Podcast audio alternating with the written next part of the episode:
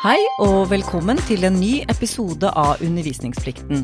Jeg heter Gunn Enli, og dagens gjester er epidemiekspert og professor ved Oslo OsloMet, Sven Erik Mamelund. Velkommen hit. Tusen takk. Og vi har også med oss sosiologiprofessor ved UiO og klasseforsker Marianne Nordli Hansen. Velkommen. Tusen takk. Altså, før vi fordyper oss i det som er dagens store tema, altså betydningen av klasse i akademia, så vil jeg inn på noe dagsaktuelt. Og det er fordi jeg har en epidemiekspert i, i studio, altså kontoret mitt, eh, som det egentlig er. Uh, og jeg vil spørre deg, du uh, Sven Erik, hvordan vil du egentlig karakterisere den fasen vi er inne i akkurat nå? Ja, vi er jo Noen sa jo her i en tweet i sommer at det var den pandemien. det var Preben Aavitsland på Folkehelsa. Det var jo ikke helt rett. Så jeg vil nå si Det er litt avhengig av hvilket eh, blikk du tar. Som, som dette, dette her er ikke over. Pandemier kan gå kanskje alltid fra to år til tre år, så vi får vel toårsmarkeringen til, til våren. Så hvem vet hvor lenge dette kommer til å vare? Kanskje lenger enn to år også. Mm. mm ja, for du har forsket på spanskesyken? Ja, og den varte jo i eh, ja, globalt sett i hvert fall. Eh, over to år, og fra 1918 til 1920. Så det er litt avhengig av eh, hvor du bor i verden og hvilke briller du har på. Eh, eh, når du stiller deg spørsmålet hvor lenge varte det, hvor, hvor, hardt og brutalt var det for, det for, den enkelte. Men opp til tre år tok det den gangen, så det er ingen grunn til å tro at vi liksom er Det er ikke helt over ennå. Sånn at her sitter vi på et ganske langt bord, stor avstand mellom oss tre som sitter her, og vi har antibac på bordet. Og vi skal snakke om klasse i akademia. Eh, grunnen til at vi skal snakke om det, er at du, Sven Erik, skrev en kronikk i Krono, eh, hvor du fortalte om hva det har betydd for deg å komme inn i akademia uten foreldre med høyere utdanning. Eh, kan du fortelle litt om bakgrunnen for at du skrev denne kronikken?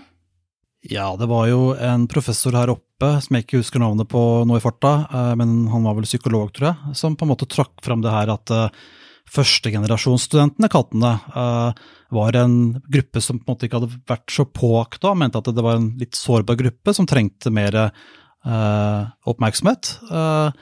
Og med det mente han jo det at de, det var disse studentene som på en måte selv ikke hadde foreldre eller naboer eh, og på en måte eh, venner og bekjente eh, som selv hadde tatt høyere utdanning, som på en måte kanskje trengte ekstra oppmerksomhet. Og han traff meg veldig godt på den kronikken, og tenkte at dette her må jeg svare på. Du kjente deg igjen i det han skrev?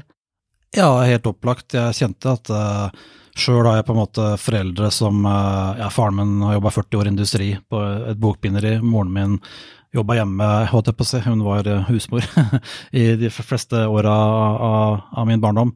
Uh, og hun jobba som uh, ufaglært på SFO uh, etter hvert. Og, ja, og veldig få av mine naboer hadde høyere utdanning, veldig få i min slekt. jeg var en av de få også som gikk videre og tok høyere utdanning i min klasse. Så der kjente jeg meg veldig godt igjen i, og at jeg har hatt noen visse utfordringer også underveis i løpet, som jeg tenkte at det var verdt å skrive og følge opp den kronikken. Mm. Fordi du kjente på denne forskjellen mellom deg og de andre studentene? Ja, altså kommer til Blindern, det er jo voldsomt for en liten kar fra Gjøvik eh, på en måte. Komme til en storby som Oslo, det er det for mange. Det er liksom ikke så, så forskjellig. Det tror ikke jeg er avhengig av klasse, egentlig.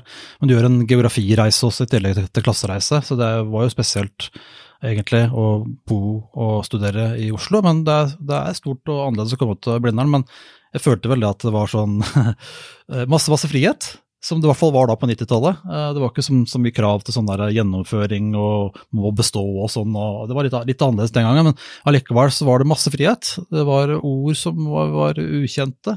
Liksom, altså selv Auditorium tror jeg egentlig aldri hadde hørt om før jeg kom på Blindern. det burde man kanskje ha hørt. Kollokvi, det har jeg nevnt i kronikken min, det var et annet ord, det har jeg aldri hørt om. Uh, immatrikulering, for eksempel, det var jeg jo med på, uh, men jeg visste jo egentlig ikke hva det var for noe. Det var veldig, mange sånne ukjente, rare ord som jeg tipper da andre med en mye sterkere bakgrunn sånn med, med, med, med høyere utdanning da, ville visst, dette visste de om når du kom til Blindern. Dette var bare helt ukjent for meg. Jeg tror Per Petterson skriver at uh, da han kom på Blindern, og så fikk han høre kollokviet, og da, da, det ble for mye for han, og da trakk han seg fra hele greia. Så det var akkurat det. For det visste han ikke hva var, og det var skremmende. Ja, for det er disse kodene, eh, eller også språket, da. Altså bruken av latin, bruken av fremmedord. Eh, det er jo med på å, å, skape en kultur som kanskje noen føler seg mer hjemme i, eller åpenbart noen kjenner seg mer hjemme i, og andre kjenner seg totalt fremmedgjort i forhold til. Eh, da jeg leste den, så tenkte jeg at dette er veldig modig. Veldig modig at han står fram med sin egen historie. Eh, jeg kjente meg igjen, fordi jeg har heller ikke foreldre med høyere utdanning, og har også kjent på dette å være fremmed i forhold til universitetet og gjort masse feil, og det Per Petterson skriver, det skremte jo ikke bort oss. Vi som sitter her, har jo blitt på Blindern, selv om kanskje ingen av oss har akademiske foreldre. Men eh, Marianne, du har jo forsket på dette, så du kan kanskje bringe oss litt ut av de personlige narrativene her. Hva, hva sier forskningen og statistikken? Nei, forskningen sier jo at det er store og vedvarende mønstre i sosial ulikhet i rekrutteringen til høyere utdanning. Hvis du for eksempel ser på for, for 40 år siden cirka, så var det kanskje fra arbeiderklassen, det var kanskje 2-2,5 prosent som oppnådde en mastergrad eh, da de var 28 år. Men hvis du ser på nå, så er det kanskje 5-6 prosent. Så det har ikke skjedd veldig mye på alle disse årene. Så samtidig, det har vært en veldig økning i andelen av befolkningen som tar høyere utdanning, men det er ikke sånn at de sosiale forskjellene har endret seg i særlig grad.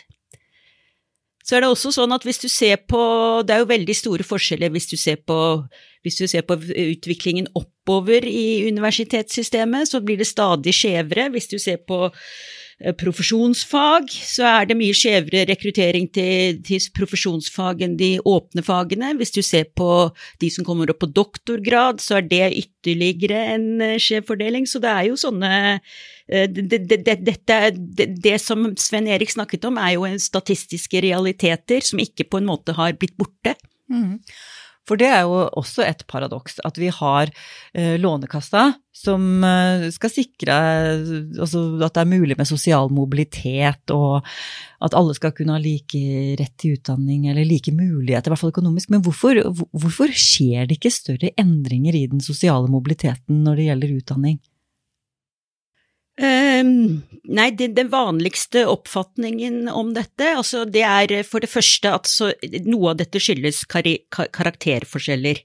De fra med høy sosial bakgrunn eller høyere klasser, de har bedre karakterer enn de som kommer fra lavere klasser. Men også når vi ser på sammenligne folk med like karakterer, så er det likevel klasseforskjeller. Altså man velger forskjellig. Og eh, hovedideen eh, om det i sosiologi er da at de som kommer fra høyere klasser, de vil unngå sosial degradering. Så for dem, som, for dem, så er det da veldig viktig å ta høyere utdanning. For hvis for eksempel mor eller far er leger på Rikshospitalet eller et eller annet sånt noe, så må du ta høyere utdanning, og kanskje helst medisin, for å oppnå det samme som dem.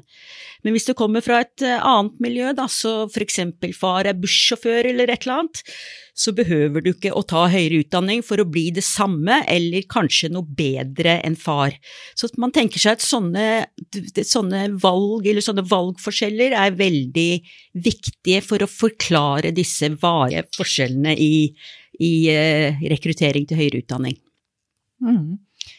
Ja, da er du i hvert fall ikke alene når du skriver denne kronikken, Sven Erik. Og det har du kanskje merket allerede, at mange kjenner seg igjen? Ja, absolutt. Altså, det er eh, Jeg har fått masse uh, tekstmeldinger og telefoner, og folk har stoppa meg på gata, til og med. Og og messengermeldinger og, og, og, sagt at ja, men å, dette var veldig viktig for meg at du skrev. Det traff meg så veldig. Så de, noen har liksom vært, vært, det har vært så mye følelser, og folk har vært nesten på gråten, liksom, eh, og sagt at dette her var det veldig viktig at du på en måte skrev og tok opp. Uh, ja, så det Ja, den så jeg ikke helt komme, faktisk. Jeg hadde ikke tenkt det. Så ingen har vært negative, det er også veldig, veldig hyggelig. uh, til og med uh, har jeg fått tilbakemeldinger fra noen som sier at ja, men jeg kjenner meg igjen, men også fra den andre siden. Ja. Og selv om du beskriver fra ditt ståsted, så jeg er fra den andre siden, men egentlig har du skrevet akkurat egentlig sånn som det er også fra den andre siden, selv om ikke du kommer fra den andre siden, altså har bakgrunn fra akademia selv. da gjennom foreldreledd og naboer og, og, og venner og klassekamerater og, og søsken osv. Ja, for de fordelene det bringer med seg. Altså Marianne, du var jo litt inne på det. Det å få gode karakterer, det kommer jo av noe. Det er jo ikke bare om man er smart eller ikke i utgangspunktet. Nei, um, nå har jeg for eksempel sett på karakterforskjeller helt nylig, i løpet av en tiårsperiode, og da er det sånn at det er helt systematiske forskjeller, sånn at de som har akademikerforeldre og sånt noe, de får best karakterer. Og de som har foreldre som er arbeidere eller velferdsklienter, de får dårligst karakterer. Så det gjelder også når du sammenligner folk som har like karakterer fra videregående skole. Så på en måte, de, sånne forskjeller de oppstår på universitetene selv om også blant folk som har like karakterer fra videregående skole. Så det er eh, Altså bare, bare for å være konkret, jeg har sett på 39 fag på bachelor, altså delt inn i sånne faggrupper, og i 35 av disse 39 fagene så får de som har akademikerforeldre eller andre i kulturoverklassen, kan du si, de beste karakterene. Det er ganske et veldig sterkt eh, mønster. Ja, da blir jo spørsmålet mitt hvorfor? Hvorfor, hvorfor? Nei, igjen, det er jo forskjellige ideer eh, om dette, da, men én idé er at uh, det som er viktig for karakterer, er at du har en, på en måte presenterer deg med selvtillit, du har en slags Du tar alt lett, altså på engelsk så snakker man om ease du signaliserer at alt dette er lett for deg, jeg kan snakke med professorene om alt, bare hvilket som helst tema, bare spør meg, jeg kan alt det meste. Så er det også, men da kan man jo, så er det en masse spørsmål rundt dette, da. Så, så hvis, det, hvis dette er viktig, hvorfor er det da forskjeller også på skriftlige eksamener? Men det er jo sånn at forskjellene er større på muntlige eksamener enn på skriftlige eksamener, noe som støtter dette. Men bare, altså det er, det er et Eh, lengre lerret å bleke og forklare hvorfor disse karakterforskjellene oppstår, også blant folk som har like karakterer fra videregående, f.eks. Mm. Det handler jo litt om å kjenne kodene, men også det å ha selvtillit eh, kanskje til å spørre Eh, altså til å stille spørsmål eller innrømme at du, dette vet jeg ikke helt. Altså det er jo en selvtillit i det, en litt sånn nonsjalant tilnærming til akademia, som kanskje de som er nye i det, ikke tør å spørre, eller ikke tør å innrømme mm, alt, da, altså når det butter. Jeg vet ikke hva, hva, vi kan gjøre for å endre dette. Har du tenkt noe på det, Sven Erik? Altså, det er jo første mm, generasjonsstudenten, det begrepet, det kan jo også være stigmatiserende. Hvis man setter i gang f.eks. tiltak direkte mot den gruppen, så må man jo kartlegge og finne ut hvem de er, altså, og man må kanskje ja, på en måte sile ut den gruppen, da. Eh, rent undervisningsteknisk, så jeg er bare litt usikker på hva man kan gjøre, og hva som ville vært gode grep. Ja, det jeg, har på en måte ikke satt meg veldig inn i eksakt hvilke tiltak man skulle se for seg å gjøre, men jeg, vet jo at uh, dette her ikke er uvanlig i USA. Uh, ofte så titter vi jo dit. Så de har programmer for det for uh, mottak av førstegenerasjonsstudenter i, i USA. Så det kan man jo være det første, hvis man skal ta dette på alvor og gjøre noe med det her. Så kan man ta titt på de programmene og se hva de gjør. Selv har jeg vel kanskje pekt på, og det er andre sosiologer som har gjort, jeg er ikke sosiolog, men jeg uh, blei kjent med en masteroppgave, tror jeg det var, i 2019, som sa noe om uh, rådgivningstjenesten på ungdomsskolen, var det her, før du skal over på videregående skole.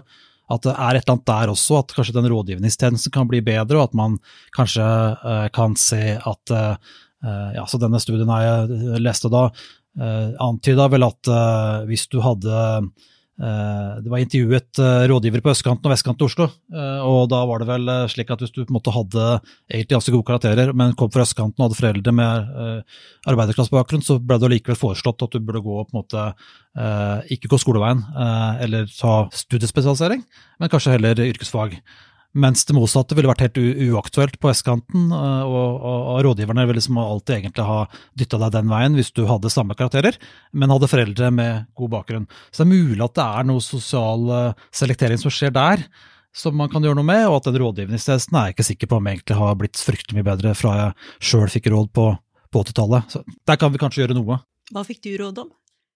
Ja, det er eh, nå skal man jo være litt forsiktig selvfølgelig med minnene, er jo en veldig sånn rar ting, men faren min sa jo liksom, ikke sant, for det igjen, hans råd var da å bli typograf. De hadde det veldig fint på uh, fabrikkene som lagde bøker.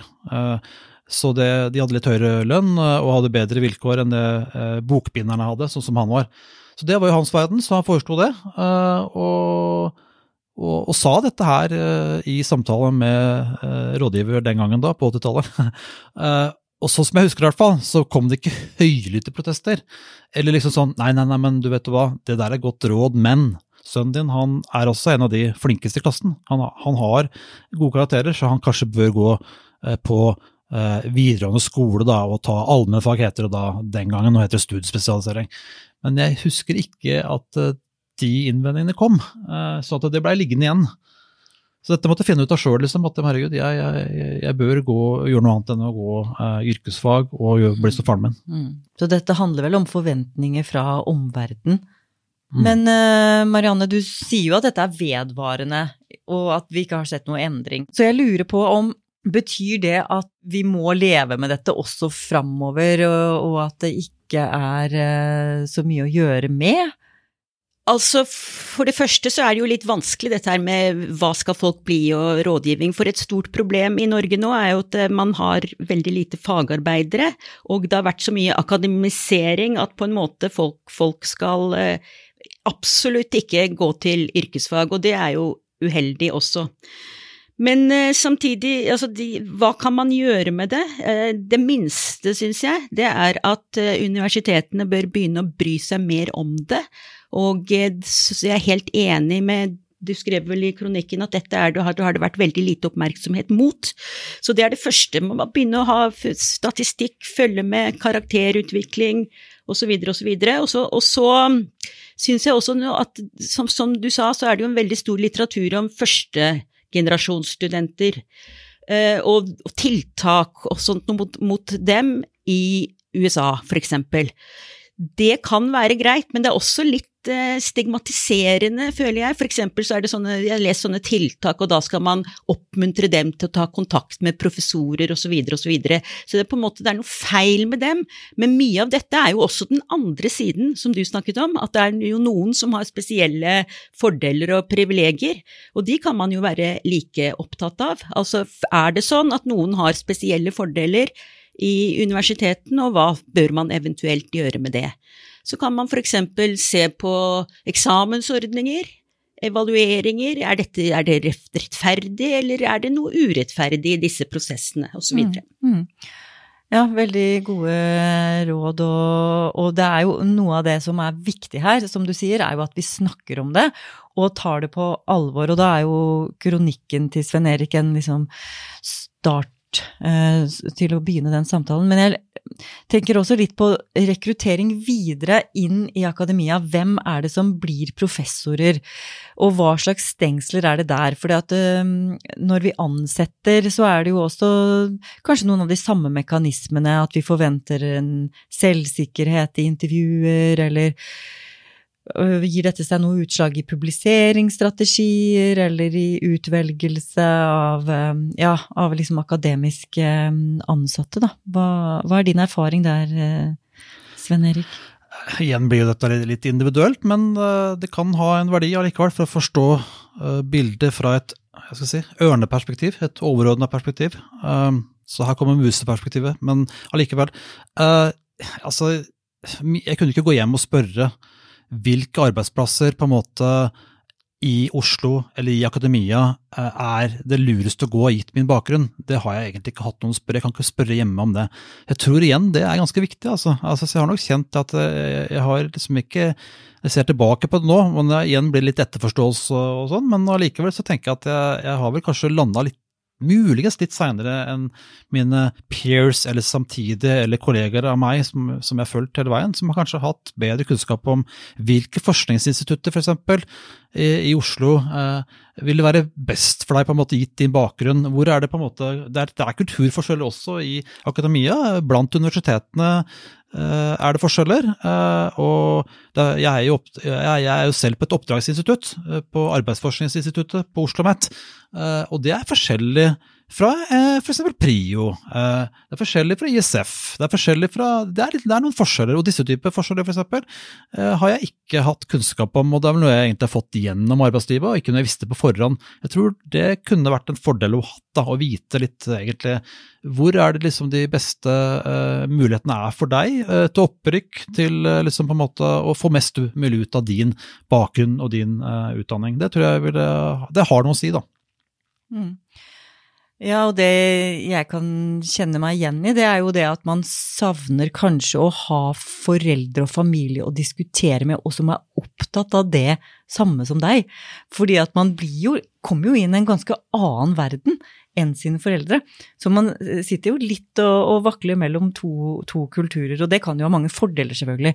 Men Marianne, hvordan er dette fra forskningens perspektiv når det gjelder rekruttering av vitenskapelig ansatte og professorer, ledere i akademia, har du sett noe på det?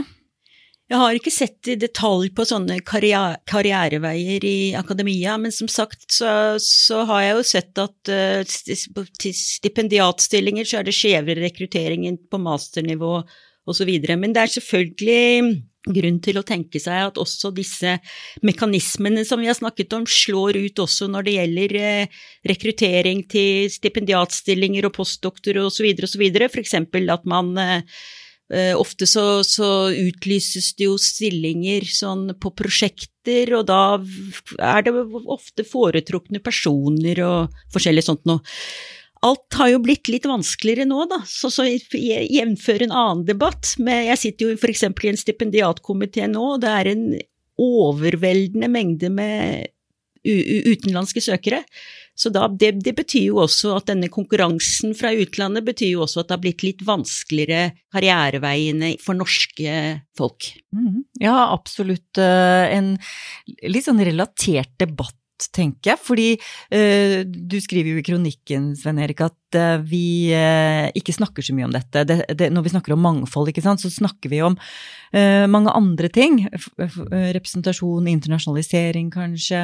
Og in, inni der så ligger jo klasse et sted, men det er ikke det som ofte kommer til, til overflaten. Vi har jo snakket mye om kjønn, og det er jo viktig. Det har vi jobbet med på UiO, det har vi statistikk på. Eh, men når det gjelder internasjonale ansatte, så begynner det å komme veldig sterkt fokus på det.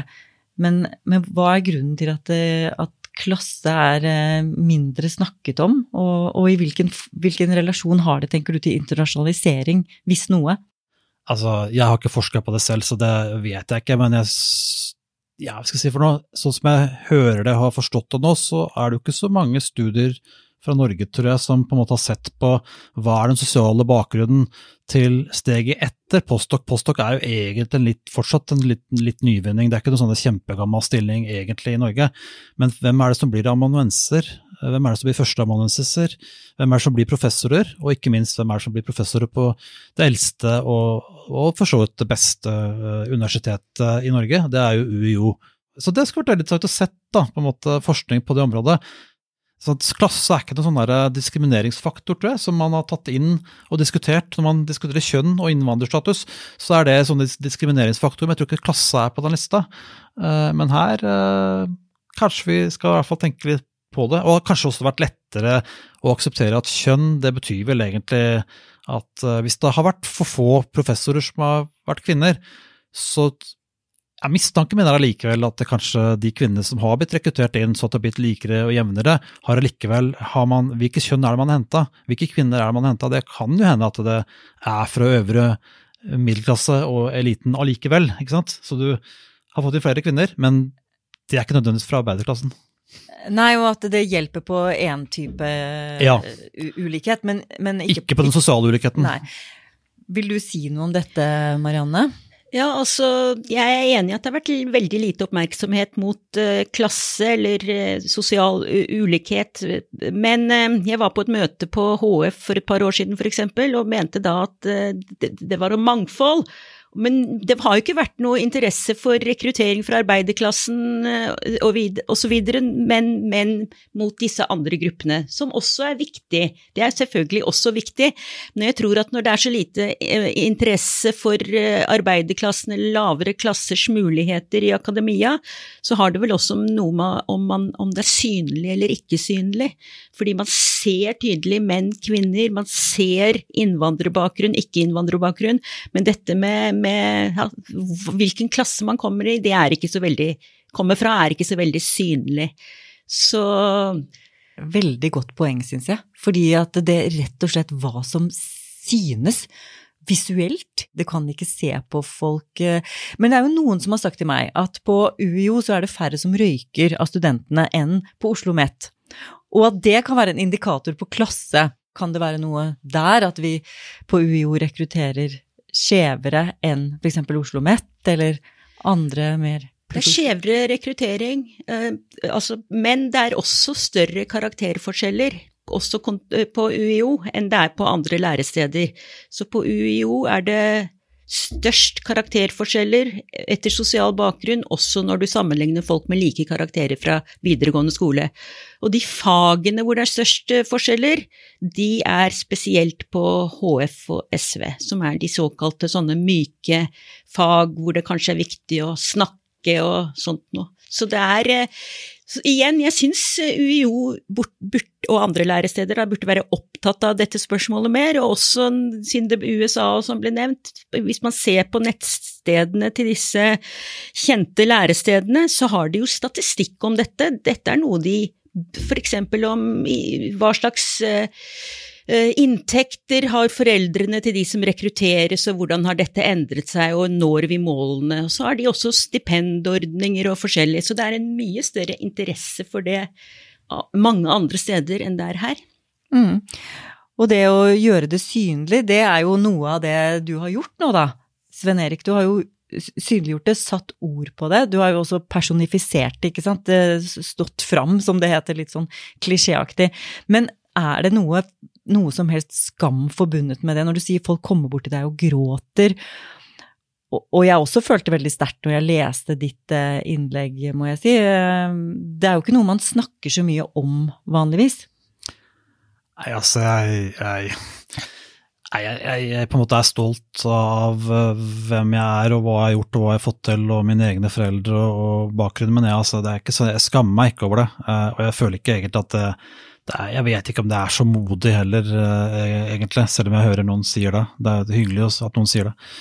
Eh, men ja, jeg registrerer at det ikke er så mange andre som har, eh, har gjort det, selv om det er blitt skrevet en god del litteratur da, om emnet. Per Petterson var nevnt her i stad, og Lars Ove Sellestad har Det er flere andre. Det er, det er litteratur i Sverige også, og, så mange har jo skrevet om det. og, og ja, nei, det er i hvert fall vært, det er litt påtakelig i hvert fall at det er kanskje ikke har vært så mye forska likevel på seleksjonen inn i toppstillingene og uh, på de ulike universitetene i, i, i Norge, da. Ja, Er du enig i det, Marianne? Ja, jeg, jeg, jeg er enig i det. Også, også, jeg syns også det var en veldig fin kronikk, og det er veldig uvanlig med sånne personlige historier på den måten. Så jeg har jo som forsket på dette i veldig mange år, men det er på et helt annet plan, for dette, dette, det dreier seg om å kartlegge statistiske mønstre i hovedsak og se på endringer, men det er ikke på en måte dette selvopplevde, så jeg tror at eh, det er selvfølgelig grunnen til at det ble sterkt for mange, da.